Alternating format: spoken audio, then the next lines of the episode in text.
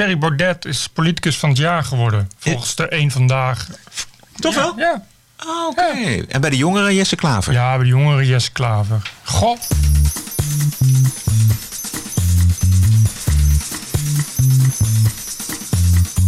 This is the TPO podcast. Ranting and Reason.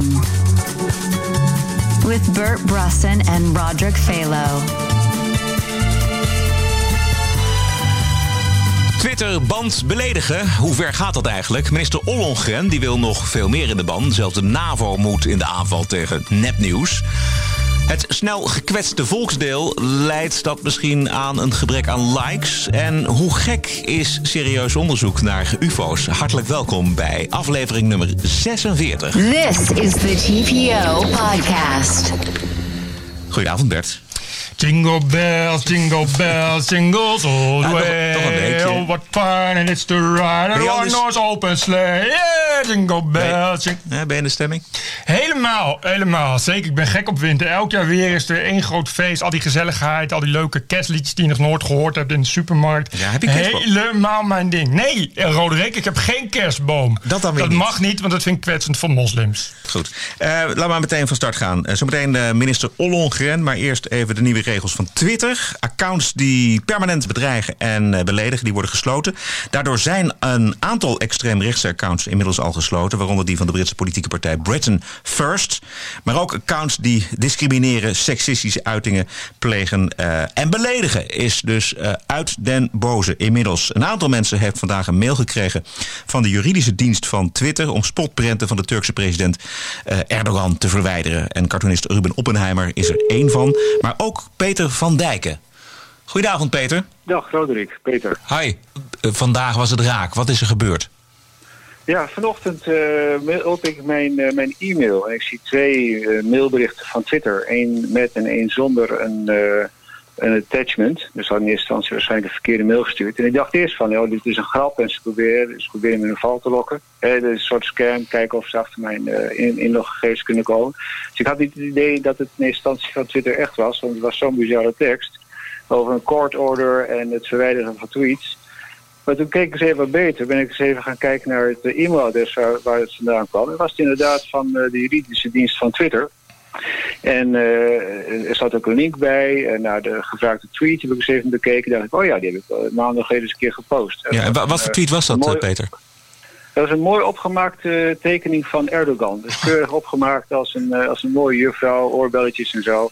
Ze zag er echt heel, heel, heel beeldig uit. En in die tijd... in, in die tijd was het natuurlijk ook zo dat Erdogan wat moeite had met, een, eh, met de Duitse komiek. Hoe heet je ook alweer? Uh, ben je zijn naam kwijt. Beumer, Beumerman. Ja, klopt inderdaad, Beumerman. En eh, hij wilde Beumerman ook achter de, achter de zotte grendel hebben, omdat hij zich beledigd voelde. En ik dacht van, weet je wat, hè, in Nederland is beledigen een onderdeel van de vrijheid van meningsuiting. En daar staan we voor. En eh, beledigen moet je gewoon tegen kunnen, zeker als je dictator bent van, eh, van, een, eh, van een groot land. Dus ik dacht, weet je wat, ik post die, eh, die, ik post die, eh, die tekening. Maar dat is dus al En een, paar maanden geleden. Ja, ik, ik denk wel iets van een half jaar geleden of zo. Ik heb niet meer precies gekeken wanneer ik hem heb eh, gestuurd. Ik was het al lang weer vergeten. Ja. Maar hij werd vanochtend eh, werd ik daarmee geconfronteerd. En toen bleek pas dat het echt was. Want in het, eh, in het attachment, dat heb ik pas, veel uren, heb ik pas uren later geopend, want ik was gewoon aan het werk. Toen zag ik ineens dat er inderdaad een uitspraak van, het, van de Turkse rechter in Istanbul aan de grondslag lag. En dat Twitter dus bloedserieus is en zegt van... Wij willen eh, dat je deze beledigende tweet eh, verwijdert. Ja. Nou, is vandaag zijn er nieuwe regels van kracht ge- ge- geworden Ja. in, bij Twitter. Heeft dat Ja. daarmee te maken? Kan bijna geen toeval zijn. Ik denk het ook niet. Het kan geen toeval zijn. Het doel, het- ze hebben een paar hele goede regels. Hè? Niet oproepen tot geweld, niet oproepen tot seksuele intimidatie, dat soort zaken. Prima. Maar volgens mij staat er ook tussen niet oproepen tot of niet beledigen. En niet beledigen, ja, dat is nou juist de crux. Hè? Dat moet gewoon kunnen. Want beledigen, dat hoort bij de feit van meningsuiting. Daar kan niemand iets op tegen hebben. Je kan het leuk vinden of niet. Mensen kunnen van alles nog wat van ons vinden. Kunnen ze van jou vinden, kunnen ze van mij vinden. Daar moet je gewoon tegen kunnen. En als Twitter nu gaat zeggen van wij willen niet meer dat je beledigende tweets gaat, gaat sturen, ja, dan, wordt, eh, dan wordt onze van meningsuiting wel heel erg hard ingeperkt door dit eh, medium. En dat kan absoluut, Dat kan gewoon niet waar zijn. Ja, Peter, waar zijn. dat vind ik ook. Ja. Eh, maar we moeten ook constateren dat we inmiddels in dit tijdperk zijn aanbeland. Eh, Duitsland doet al Hmm. een, een tijd lang exact hetzelfde met Facebook. Ik heb. Ik weet niet, misschien deel je dat met me. De laatste tijd toch erg het idee gekregen dat ook het eh, beledigen, zoals jij dat zegt, in de eh hardgevochten, hardbevochten vrijheid van meningsuiting eh, toch een beetje uit aan het raken is. De vrijheid van meningsuiting wordt steeds minder op handen gedragen dan, dan, dan dat je zou willen. En ik denk dat wat Twitter nu doet daar een onderdeel van is. Die staan erg onder druk. Ja, dat geloof ik ook best. Maar dan moet Twitter ook een grote jongen zijn en zeggen van luister, waar laten we ons niet onder druk zetten. Wat ga jij doen met die aanmaning van eh, Twitter? Niks. Nee, ik, ik weet niet wat ik mee moet. Ik zou daarop kunnen reageren en vragen waar het over gaat. Maar vooralsnog eh doe ik daar niks mee. Weet je, die, eh, die tweet mij die is nu vandaag ook alweer een paar honderd keer geretweet. En er zijn ook screenshots van gemaakt. Die zijn ook weer gedaan en getweet. Ik, kan hem wel, ik zou hem kunnen weghalen. Wat ik natuurlijk niet doe. Maar dan heeft het ook helemaal geen zin. Dus ik doe er helemaal niks mee. Het geeft tegelijkertijd natuurlijk ook aan waar eh, misschien wel de grenzen zitten van de grenzen die Twitter probeert te stellen. Ik bedoel, dit is natuurlijk, Ja. eh, je kunt het wel willen afdwingen, maar als iedereen gaat retweeten, ja, je kan moeilijk eh, het heel Twitter gaan afsluiten volgens mij. Nou, dat zou dan de ultieme consequentie zijn. Maar ik heb het idee dat Erdogan dat heel goed kan in zijn eigen land. Dat die Dat- Twitter ook nu en dan eens even afsluit als er wat eh onwelgevallige berichten over hem verschijnen. Maar wereldwijd kan dat natuurlijk niet. Nou, dat zal hij En wel als gaan Twitter op doen. een bepaald moment dit wel doorstuurt, doorzetten, ja, dan is het snel gedaan met Twitter. Dan is het helemaal geen reet meer aan. Precies. Dan gaan we weer ergens anders kijken. Wat precies de reden is dat Twitter daar dus inderdaad rekening mee wenst te houden. Want die zijn bang voor hun eigen hachie. Eh, maar Ja. ik, ik denk inderdaad, want dat is, voor jou is consequentie nul. De uiterste consequentie is dat Twitter je delete. Maar goed, dan maak je een nieuw account aan, zal ik maar zeggen. Ja. Eh, Ja. Maar ik denk dat Erdogan gewoon inderdaad gewoon een muur voor Twitter zet. Gewoon een beetje zoals, zoals China ook doet. Want Erdogan Ja. heeft het al meerdere malen met YouTube ook gedaan. Nou ja, en wat Duitsland ook Ja. doet, want in Duitsland bijvoorbeeld zijn bepaalde tweets van, van Wilders niet te zien, die gewoon bij ons wel te zien zijn. In Frankrijk ook. Nee, ja, precies. Dus per Nee, dat land. klopt.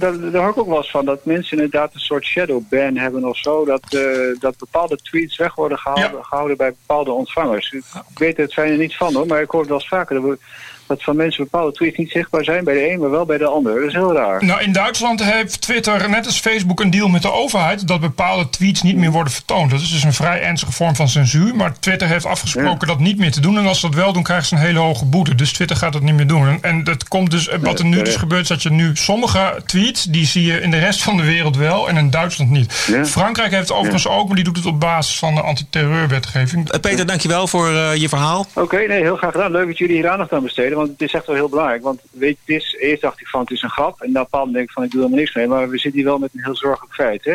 Want Dus- deze, deze dictator wil proberen in onze westerse samenleving in te grijpen. En ons zijn ideeën op te leggen. En we kunnen, ik wil er niet al te, al te gemakkelijk over doen. Ik vind het nogal wat. En we mogen hier absoluut niet in meegaan. En daarom doe ik dus ook gewoon helemaal niks met die tweet. En met dat bericht van Twitter. Ik zie het wel gebeuren.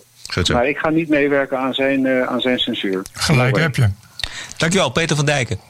Dankjewel Oké man. man. Hey, succes met je programma. Ja. Hoi, hoi. Hoi. TPO Podcast. Een poging van overheden om greep te krijgen op de informatiestroom onder de vlag van de strijd tegen nepnieuws worden gesprekken gevoerd met Facebook en een aantal andere social media inmiddels. Minister Ollongren die bekende zondag bij Rick Niemand dat zij voorstander is van vergunningen in Europa voor dit soort ondernemingen. Ik ben al begonnen met een gesprek met de techbedrijven, onder andere met Facebook. Ja. Eh, eh, de Kamer heeft ook al aangekondigd dat ze een hoorzitting willen doen, dus dat gaat zeker gebeuren. Van wat dus u is- met ze besproken? Dat is een begin. Specifiek? Nou, inderdaad, hoe we kunnen samenwerken om ervoor te zorgen dat als er eh, ja, heimelijke beïnvloeding is via hun kanalen, Twitter, Facebook, Google, eh, dat we daar samen iets tegen doen. Dus er is een, een, een begin, er is een opening eh, voor, een, voor een gesprek. Kijk, ik wil natuurlijk nooit dat de overheid gaat bepalen wat de inhoud is. Nee. Eh, dus Nee, de- daar moet je heel ver, Facebook ver Ja. weg van blijven. Dus dat bepalen zij. Maar hoe doe je dat dan op een eerlijke manier? Maar het Centraal Planbureau kwam deze week met een aanbeveling Ja. eh, om netnieuws op internet tegen te gaan. En die zeiden van, we moeten vergunningen, eh, een vergunningenstelsel in het leven roepen voor internetaanbieders. heb Vindt u gezien. ervan? Ja. Nee, ik vind dat ik, sowieso hebben ze een inter- interessant rapport uitgebracht. Ik vind dat een, op zich een goed idee. Ik denk alleen dat het niet zoveel zin heeft om het alleen maar op de schaal van Nederland te doen. Uh, want ja, deze bedrijven zijn allemaal wereldwijd. Hè? Maar in Dus Nederland... moet in, ja? eh, nou, daar wordt in Brussel over nagedacht. Ik denk dat we in Europa inderdaad dat soort dingen moeten gaan doen met elkaar. U zou ervoor zijn om dan op een of andere manier te reguleren... wie er wel en niet dingen op internet mag aanbieden. Ja, niet zozeer wie, en zeker niet wat, hè, maar iets van een, een stelsel dat je een, eh, eh, een toets hebt van is- gebeurt het op een eerlijke en onafhankelijke manier. Dat lijkt mij heel eh, belangrijk. Ja, vergunningen is voorwaarden stellen. Is zes uur. Ik vind het dood en doodeng. Ja. Ik, ik had eh, eh, dat eh, rapport van het CPB, is het geloof ik? Ja. Wat ook zo'n zo'n onderdeel is van de, van de kartelpolitiek in Deep State. Maar dat tezijde.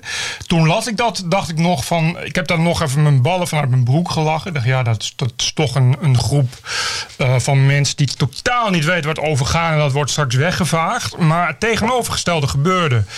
Uh, deze mevrouw, die we uh, kort geleden hebben gekozen, notabene als minister van een li liberale partij, van een D66. democratische partij, D66, uh, is zegt gewoon onbewonden voorstander van te zijn om dit soort bedrijven zoals Twitter en Facebook, maar ze heeft het ook over Google, en daar wordt het al heel erg eng, Ja. en met een vergunningstelsel Ja. te gaan laten werken. Ja, wat ik het interessante vind van, van de hele discussie die hierover gaat... en ook haar bijdrage daarin, is dat het omvloerst gaat. Hè? Het, Exact. ze heeft het bijvoorbeeld over een eerlijke manier. Het moet wel op een eerlijke manier gaan. Ja. Wat is dan die eerlijke manier? En zij gaat in overleg met eh, Facebook en Twitter... en al die sociale mediabedrijven. En zij gaat praten met ze en ze gaan voorwaarden stellen. Wat is dat? Hoe kruipt de overheid richting de vrijheid van meningsuiting? Dit is, dit is inderdaad creepy. Je zegt het goed, het woord kruipen is hier wel van belang. Wat je hoort is dat ze de hele tijd iets zegt van wat ze wil. Maar daar kan ze niet zomaar vorm aan geven, dus moet het anders. Daarom moet het ook naar Europa. Want als we dit in Nederland gaan doen, lopen we het risico dat het niet lukt. Ja. Gelukkig hebben we het grote Europa, wat dat soort dingen allemaal tegen kan werken. Ja. En als we dus maar een Europese wetgeving hiervoor hebben, dan kunnen we brullen wat we willen. Maar dan eh, is het al te laat. En het gaat natuurlijk om Europa. En dat is het probleem waar we nul invloed op hebben. Exact. Waar jij het net over hebt, eh, had Bert, over de, de overheid die dus moet gaan bepalen wat nepnieuws is. Daar schrijft zij in de brief het volgende over. En het staat er ook weer redelijk omvloerst, maar ik lees het even voor. Het gaat namelijk over een taskforce die binnen de Europese dienst voor extern optreden wordt opgericht. En deze taakgroep richt zich onder meer op het identificeren, benoemen en feitelijk weerleggen van desinformatie door pro-Kremlin media. Dus die taskforce die bepaalt wat nepnieuws is en wat niet. Ja, dat klopt. Ik, vond zo, ik, ik moest ook lachen. Pro-Kremlin media. Ja. Dit is, dat is nieuw. Pro-Kremlin media. Ja. Het is kennelijk een probleem. Want we hebben nu al heel lang ook tegen uh, Ollongren geroepen. Van kom nou eens met bewijzen. Van die ontzettende, enorme beïnvloeding. Vooral in het Nederlands debat van, uh, van, uh, van Rusland. Dat wil maar niet lukken. Ook de voorbeelden. eh, ik las vandaag op de TPO dat Bas het schreef. Dat ze de vorige keer had beloofd met voorbeelden te komen. Bij deze brief is, zijn er weer niet. Die zijn er dus niet. Dus nu is een nieuwe vijand aan het maken. En dat zijn dan maar de windmolens die reuzen worden. Want dat zijn pro-Kremlin media. Wat dat zijn, nou dat is obviously in Nederland zijn die er niet. Dat zijn dus straks alle media waarvan Ollogren of uh, haar, uh, haar taskforce... die me overigens enorm doet denken aan de interdepartementale commissie cartoon-problematiek destijds. ook al zo'n mooie speerpunt van vrijheid van meningsuiting... uit het rijke liberale Nederlandse verleden. wat dat is, is dat die inderdaad die taskforce gaat zeggen van... ja, nee, maar dit, is, dit, is, dit soort dingen is door Kremlin beïnvloed. Nou, ik noem eens een voorbeeld. Het succesvolle uh, uh, referendum. Uh, dat georganiseerd is door Geen Stijl. Toch al zo geliefd bij de links-liberale politici. waarvoor toch bijna 500.000 mensen hun handtekening indienen, is het niet. Waardoor een zeer gewild referendum bijna werd afgeschoten. Maar gelukkig via een geitenpaadje op liberale wijze alsnog kan worden doorgedrukt. dat zit ze heel erg hoog. Dus ik zie nu al aankomen dat onze taskforce straks zegt: ho, ho, ho. Dat Geen Stijl plaatst elke dag dingen die zijn niet waar. Die zullen wel met Poetin in één bed liggen. Dat is hoe gevaarlijk deze D66-wolven in schaapskleren zijn. Is dat ze zeggen van nee, we gaan ons echt als overheid niet met de inhoud bemoeien. Dat mag helemaal niet als overheid. Wat ze wel doen is dat ze naar Google gaan. En Google doet dat nu ook al. Die zeggen, daar zeggen ze van kijk, jullie hebben geen stijl. En geen stijl, daarvan heeft ons taskforce bepaald dat het te vaak pro-Kremlin is. Willen jullie die lager op de ranglijst zetten? Dus dat ze minder snel gevonden worden. Dat gebeurt nu ook al. Dat heeft Google nu weer ontkend. Maar dat was het idee dat het ook gebeurt met inderdaad de degelijk bestaande pro-Kremlin media uh, Sputnik en, en uh, RT, Russian Today. Uh, daarvan heeft Google gezegd dat ze die inderdaad gaan, gaan laag op de ranglijst zetten. Dus op verzoek van de overheid? Op verzoek van de Amerikaanse overheid. Later heeft Google gezegd: nee, nee, nee, dat is niet zo. We waren toch al bezig met het, met het, met het, ja, met het tweaken van de algoritmes. Ja. Dus dat is gelul. Maar zo gaat het. Dat is dus hoe het gaat gebeuren. Ja ander gevaarlijk punt is, vind ik, dat ik uh, op Twitter en op de sociale media nog heel veel mensen tegenkom die dit eigenlijk normaal vinden, die het goed Oh, vinden dat de, dat de overheid dit doet. Want ik heb de hele discussie gevoerd met, met iemand, uh, volstrekt redelijk iemand die zei: Ja, maar jij wilt toch ook dat het nepnieuws verdwijnt Ja, uit, uit ja, sociale ja, media? Toen zei ik: Ja, maar wat is dan nep? Wie, wie bepaalt dan dat nep, nepnieuws is? Bovendien, ik wil helemaal niet dat nepnieuws verdwijnt uit de sociale media. Want ik wil graag zelf uitmaken of iets nepnieuws is of niet. Geef mij maar alle bronnen, et cetera. Je kunt het vergelijken met een krant die op een gegeven moment een vergunning moet hebben hè, om te mogen verschijnen. Exact. Dat zijn dus voorwaarden die Exact. aan een krant wordt gesteld. Van ja, dat dan wel en dat niet. Dus er is iets heel engs aan de gang. Wat ik misschien nog wel enger vind, is dat heel veel mensen het maar normaal vinden dat de overheid zich hier tegen, tegen nepnieuws Maar, verzet. maar dat is dus het enge. Ik zag het al. Ik, ik, zat, ik, zit dus niet, ik volg het niet op Twitter. Maar eh, ik geloof Annabel die stuurde een tweet door. En dat, dat was iemand die tegen haar zei van ja, maar het, het is toch waar dat er op grote schaal nepnieuws wordt verspreid. Dus dan is het toch heel goed dat de overheid dat doet. Dan, vallen, dan rollen je ogen toch Ja. wel even uit je kassen. Eh, ik, het is inderdaad wat je zegt. Stel je voor, eh, stel je voor dat, dat morgen de minister zegt... Nou, we moeten nog maar eens goed gaan kijken over dat cabaret in Nederland... Dan moeten we maar eens een taskforce nemen en goed luisteren naar wat die cabaretiers zeggen. En dan van sommige theaters maar een vergunning intrekken. Ik ga morgen praten met alle theaterdirecteuren. Over wat we nu eigenlijk aan moeten Ja. met nou Ja. Joep van Dek en Hans Steeuwen. Ik heb daar nog eens goed naar geluisterd. Maar ja, ik ben met mijn taskforce nu toch aan het kijken of dat nog wel kan. En misschien moeten we dan maar een vergunningssysteem, zodat we in elk geval weten welke theaters wel en welke theaters niet zich aan onze regels houden. Uiteraard mag de politiek zich niet bemoeien met de inhoud van het cabaret. En dat wil ik ook helemaal niet. Maar ik wil wel graag. ja, ja. En de programmering van theaters. Ik wil wel graag dat die beïnvloeding wordt voorkomen. Stel je voor dat dat gebeurt. Dan zou er toch nu iedereen er echt schreeuwend en joelend van, van pijn en kermend van ongeloof op de daken zitten. dan precies. zouden toch de voorpagina's vol staan met wat de fucking hell is going on. Nu kan ik jullie vertellen, beste luisteraars, is voor mij internet en social media exact hetzelfde als wat het theater is voor al die linkse babyboomers die nu ineens oké vinden dat minister Ollogren vergunningensysteem in het leven Ja. wil gaan roepen over wat er wel en niet gezegd mag worden Ja. op het internet en social media. ja. En ik zal je nog eens wat vertellen. In eh, Amerika is eh, onlangs de netneutraliteit afgeschaft. Ja. Tot eh, groot vermaak van veel ultraliberalen, zag ik op mijn Facebook. Want dat is allemaal goed voor de vrije markt, don't you know. Dat zal allemaal wel zijn, maar het betekent dus wel dat er nu nog een methode is om mensen van het internet af te knijpen. Dan kun je straks ook bepalen wie wel of niet wat te zeggen heeft op het internet. En op die manier kun je ook weer opnieuw eh, de meningsuiting kun je sturen. Daar kun je opinievormen kun sturen, want daar is het ook om te doen. Heb je vandaag eh, dat opiniestuk op Politico gelezen van de, onze eurocommissaris voor migratiezaken? Nee. Nou, dat was heel, eh, een heel een totaal niet, totaal niet verwacht opiniestuk. Daar stond eigenlijk in, nou, we moeten er maar aan wennen. Migratie kunnen we niet voorkomen.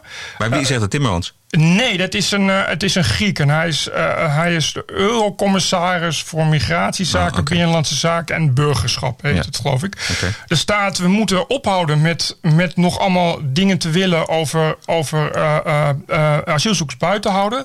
Migratie is een feit en dat gaat alleen maar, er gaat alleen maar meer komen, daar gaan we niks aan doen.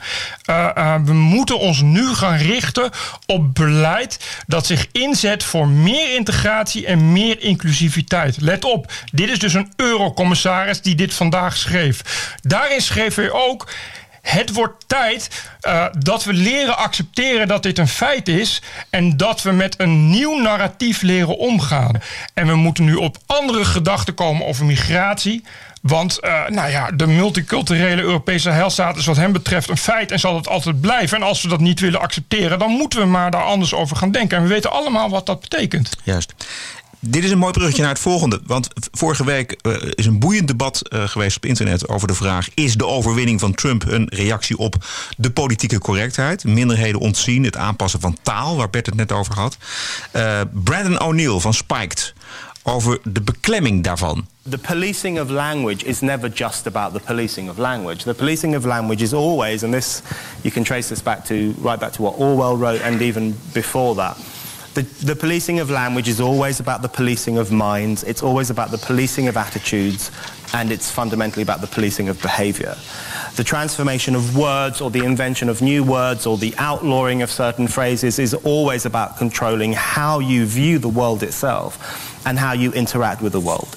Uh, it's never so straightforward as simply replacing bad words with good ones. There's something, always something else going on. And I think that's something else going on, in my view, is um, pathologization.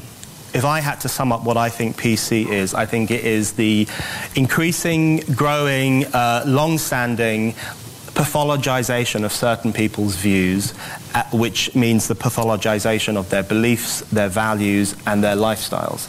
And I think that's the kind of thing that Trump voters are reacting against. Ja, Brandon O'Neill. Het pathologiseren van gedachten, dus het beïnvloeden van gedachten dat het bijna als een complot gaat klinken. En, ja, precies. En, maar, maar het is soms, en daar heb ik in, in de, in de, met mijn eh, vrienden en redactieleden ook wel soms bijna onmogelijk om daar niet in te geloven. Ik bedoel, het is echt. Ik, vandaag kwam The Guardian met de scoop. Uh, dat een uh, beslist onafhankelijke Britse objectieve wetenschappers hadden uitgevonden. dat gedurende vier islamitische aanslagen in Groot-Brittannië. De, de bekende vier zijn dat, zal ik maar zeggen.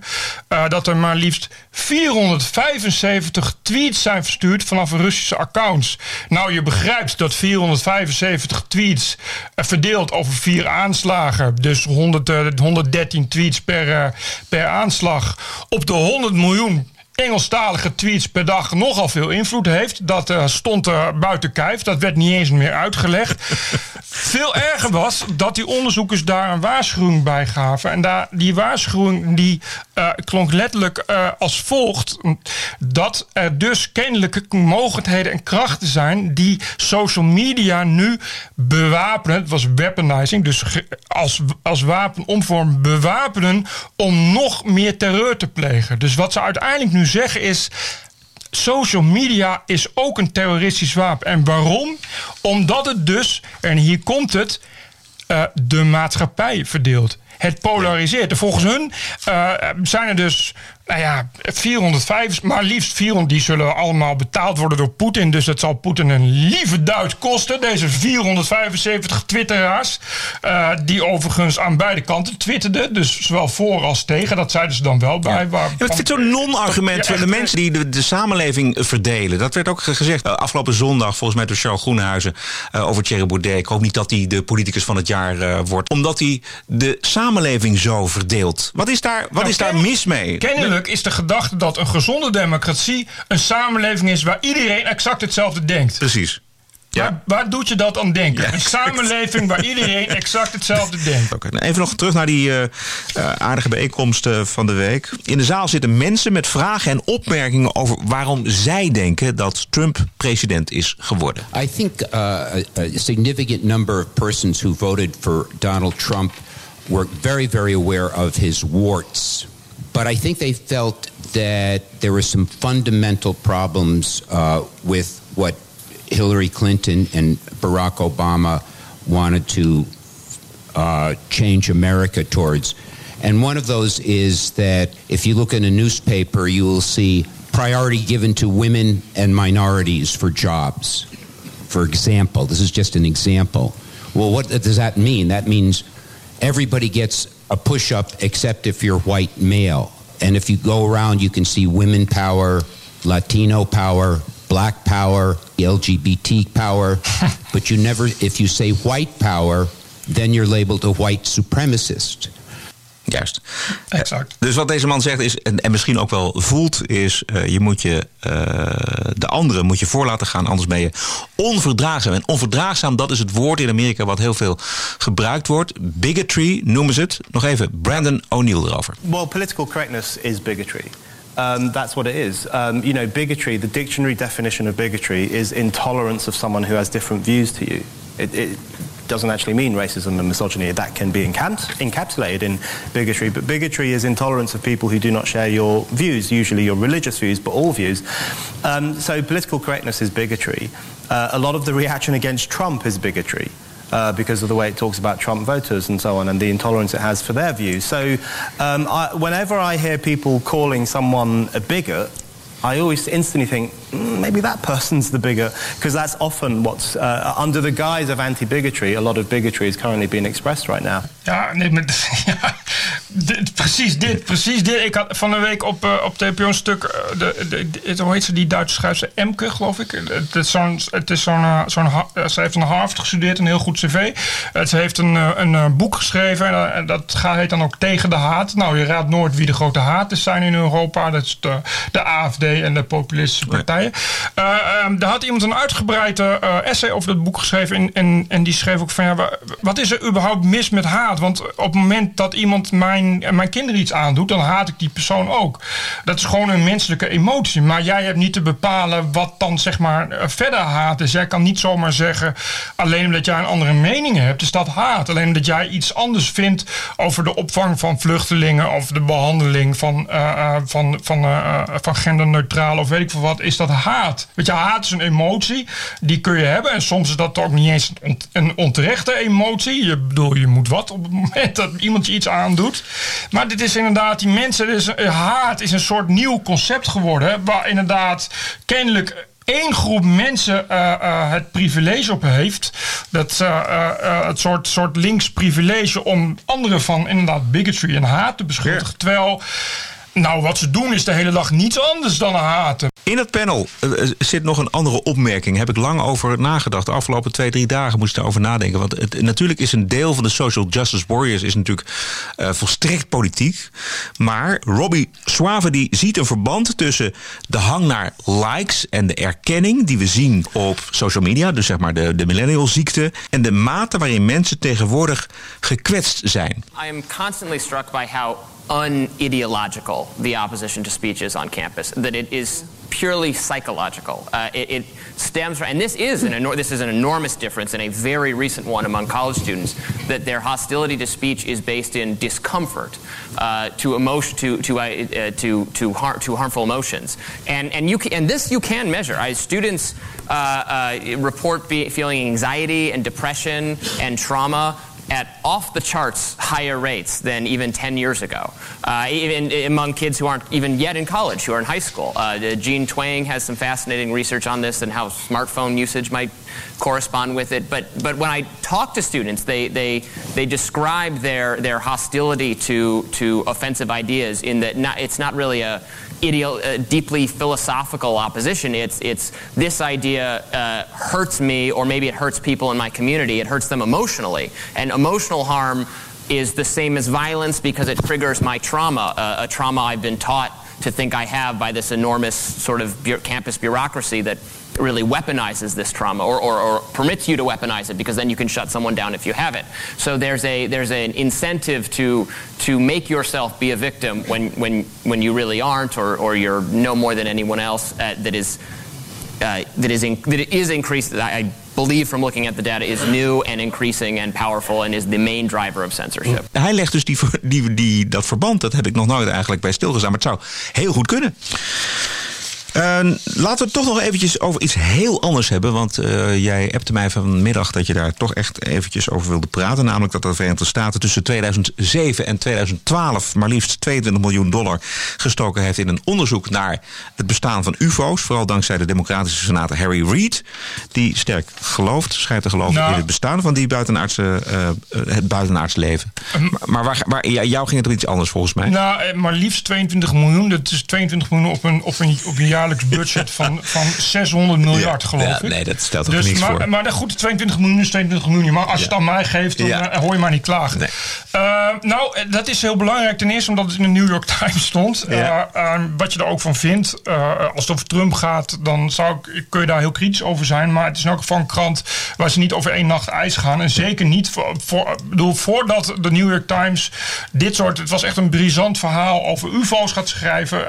weet je zeker dat ze daar ook grondig onderzoek naar hebben gedaan. Ja, Eh, dus het is waar. Het is in elk geval. Het Pentagon heeft het ook bevestigd dat ze inderdaad. Ja, dat klopt, ja. En het, is, het was een geheim project. Het was off budget. Dat betekent dat het congres er ook ge- geen weet van heeft. Ja, het werd, werd gebracht onder een ander eh, Niemand, kopje. niemand die dat controleert. Dat zegt al iets. Dat zegt dus kennelijk dat het Pentagon zich in elk geval iets, iets heeft waardoor ze zich zo bedreigd voelen dat ze bereid zijn daar onderzoek naar te doen. Eh, dat vind ik veelzeggend. Het is gewoon een ding. Dit Ja, had- wat ik- wat ik blijkt waar te zijn dat ze er geld aan uitbesteden. nou, dat er dus inderdaad serieus door het. Pentagon onderzoek naar wordt gedaan. Dat hebben ze altijd ontkend. Ze hebben altijd gezegd, ja, onzin, want ufo's, bla bla bla. En die reactie gaf ook eh, eh, eh, eh, Jan Paternotte van D66. Want zij waren dan mensen die zeiden van... komt er in Nederland nu ook geld naar een onderzoek? Waarop die zei nee, want we gaan ook geen onderzoek doen naar hekserij en kabouters. En dat vond ik een beetje te lachwekkend voor woorden. Omdat je niet... eh, je, je, je kan Ja, het is heel arrogant om te denken dat, dat, dat wij de enige zijn in dit grote heelal. Wat bedoel, in- in Nederland heb je inderdaad niet echt dit onderzoek nodig, omdat het ook niet zoveel gebeurt. Maar dit gaat over Amerika. Eh, en wat ik las, en je weet niet of het waar was, want die Reed die werd geïnterviewd en nog wat mensen die daar hebben gewerkt. En je kan dus natuurlijk niet controleren of wat die mensen vertellen ook echt waar is. Als het waar is, is het wel, wel heftig. Wat er stond was van, nou ja, we weten dingen waardoor we ons zorgen maken over of we ons daartegen kunnen verdedigen. Dat wat het ook is. Want het, het gaat niet per se over aliens. Dat vond ik altijd, is altijd een beetje het glibberige. Dat mensen zeggen, ja, je gelooft in buitenaards leven. Wat er gebeurd is, eh, dat er regelmatig... En ik bedoel, het gaat echt om veel waarneming, om serieuze waarneming. Het, het zijn eh, eh, jongens in, in, in F-18's. eh, daar, daar zijn ook beelden nu van vrijgegeven... die een object achtervolgen... wat ten eerste veel sneller gaat dan hun F-18. En dat is al heel snel. En ten tweede onmogelijke manoeuvres uithaalt... op een hoogte van, van meer dan 10 kilometer. Control, bro. There's a whole fleet of them. Look on the ASA. My gosh. They're all going against the wind. The wind's 120 knots to the west. That thing, dude. Als je dus, maar als je in die F-18 zit en je bent piloot, dan weet je dus niet wat je meemaakt. En ik kan heel goed begrijpen dat je dan denkt: ik wil graag weten wat dit is. En ik kan ook heel goed begrijpen dat je, eh, als je in het Pentagon werkt en daar verantwoordelijk voor bent, je, ik wil graag weten wat. Natuurlijk. Er, ik wil graag weten wat, er, Ja. wat in mijn luchtruim Ja. op deze voor mij onmogelijke manieren zich zo verhoudt. This is the TPO podcast. Mooie bonusquote eh, aan het eind van deze thema-uitzending zou je bijna kunnen zeggen. De bonusquote is van een man die afgelopen vrijdag alweer zes jaar niet meer onder ons is. Maar nog altijd als een journalistiek en intellectueel voorbeeld voor mij en voor vele anderen eh, is. Christopher Hitchens. Annabel die herinnerde mij vrijdag aan zijn sterfdag met een van zijn allerbeste speeches. Gehouden in november 2006 op de Universiteit van Toronto. It's not just the right of the person who speaks to be heard. It is the right of everyone in the audience to listen and to hear.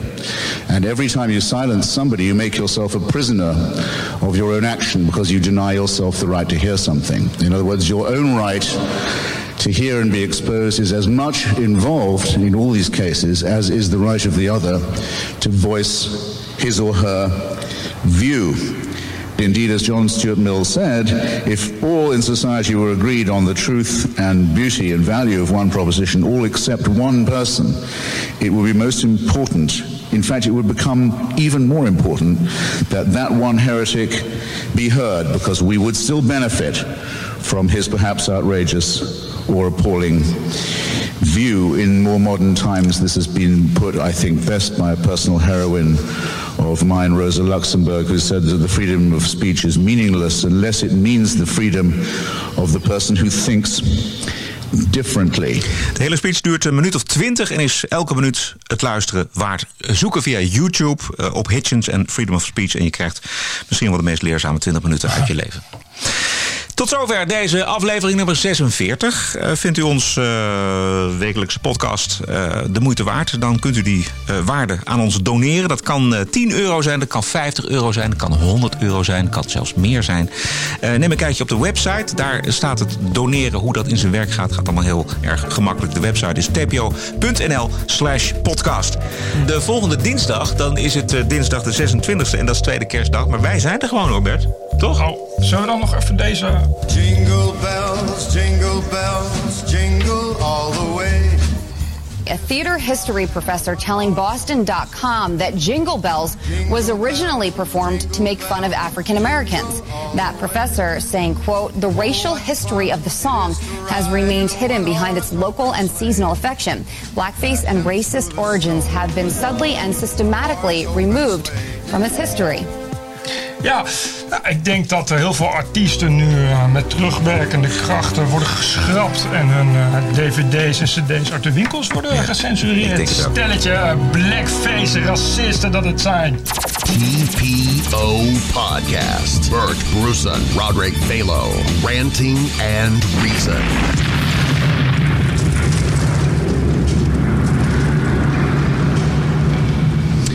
Zullen we hem nu draaien of zullen we hem straks draaien? Of... Ik zou hem gewoon nu draaien. Ja? Het is toch een mooie, mooie? Ja, het is een waanzinnig mooie uitsmijten. Met heel veel dank aan No Agenda, Adam Curry en uh, John C. Dvorak. Dit komt uit hun podcast. Tot volgende week.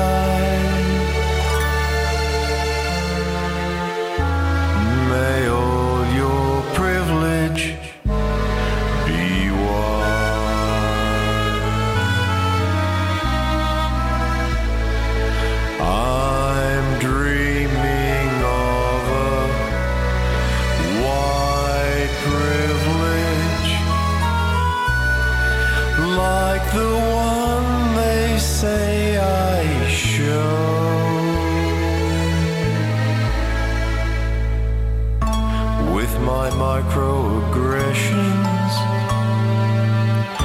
Makes their teardrops glisten.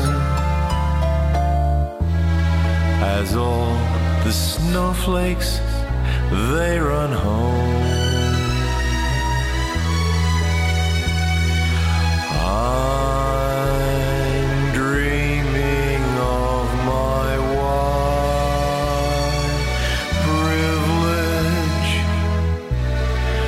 with